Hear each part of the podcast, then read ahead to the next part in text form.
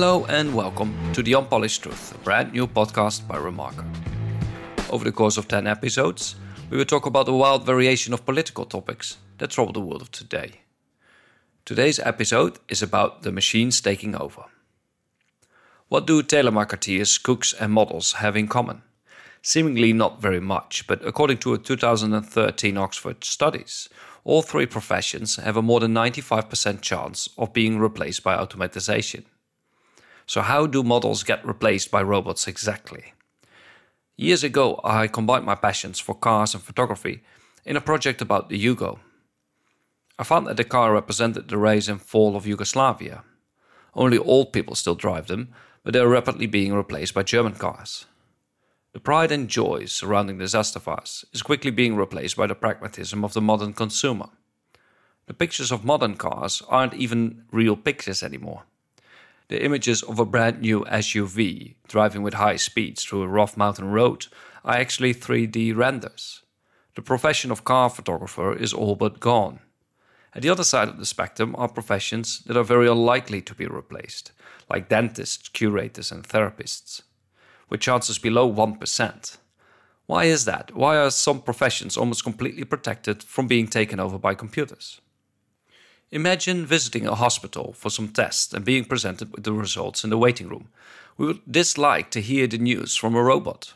Some jobs require advanced dialogue skills like negotiating, caring for others, or social perceptiveness.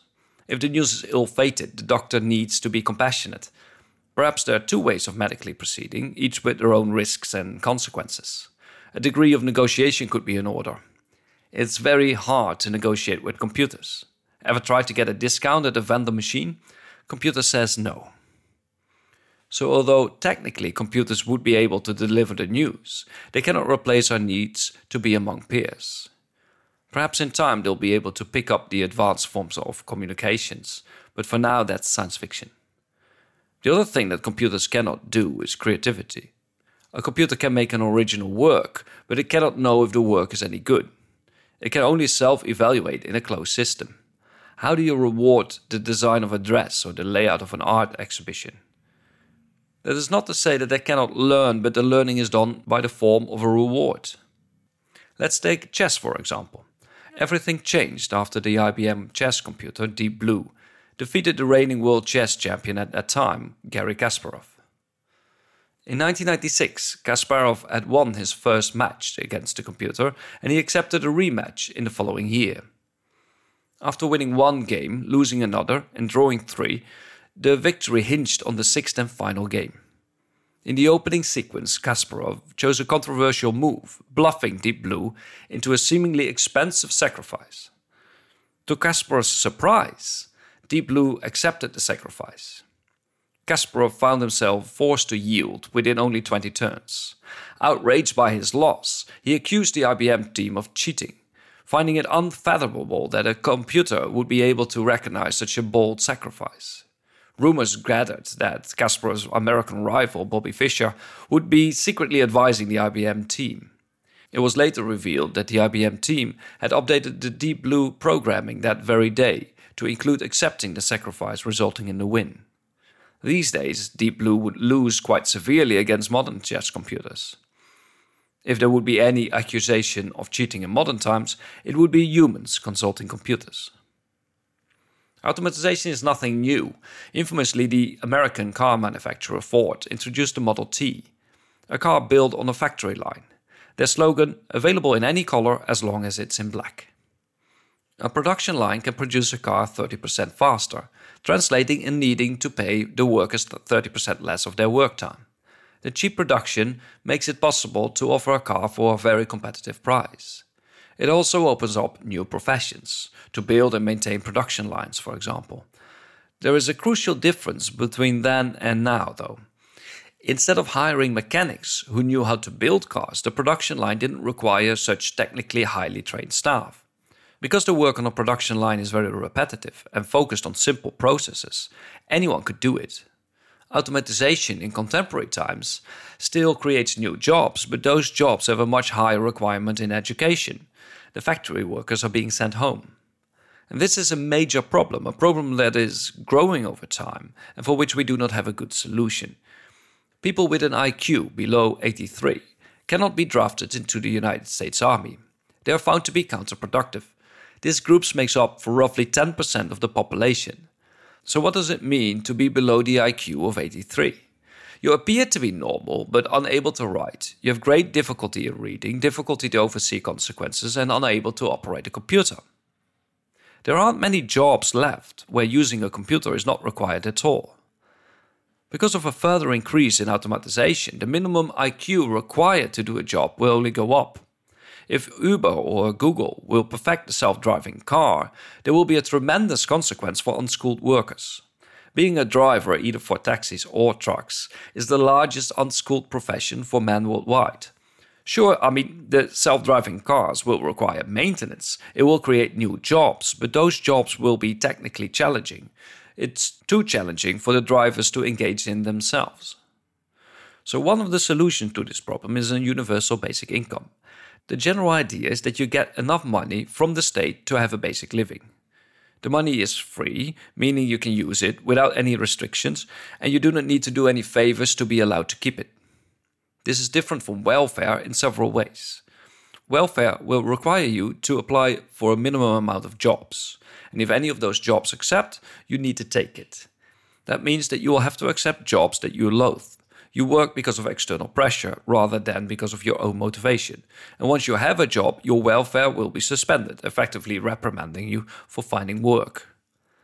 A basic income would not dissolve once you earn a salary. That means that you can earn more if you desire. If earning is not something that you find important, but you rather make art without selling much, then that would be fine also. This system would be rather expensive, one of the more interesting solutions on financing universal basic income is to ask company owners to pay for the robots in their employ. In effect, the factory worker would be sent home, but he continues to receive his salary, now earned by the robot that replaced him. The factory would still have the advantages of the production line. A robot doesn't take breaks, it will work through the night, and it doesn't protest for better terms. But even if universal basic income would take the question of money off the table, it would not prevent people from feeling useless.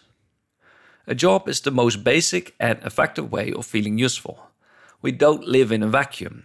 When my parents in law asked me what profession I had and they heard that I was a photographer, they asked, But what do you do for money? There's a strong connection between your purpose in society and your job. Not only outsiders value the status of your job, it's also existential. What is my purpose? Would I be missed if I were gone? These are very difficult questions for anyone, but for those who do not have a job, it's almost impossible to answer in a meaningful way. People who sit at home often suffer the consequences of isolation. You don't make friends in a vacuum. So, if there is no job for you because you don't know how to operate a computer, you are obsolete. That's not a psychological problem per se, it's much more profound like that. It's the reality real as the problem is, there will be psychological consequences. An increasingly large group of people sit at home depressed. They lack friends and they have very little to offer to a partner. They have no long term goal and they have no reason to get out of bed in the morning. That is a position that is very, very hard to escape from. And I think we need to reinvent how we perceive IQ.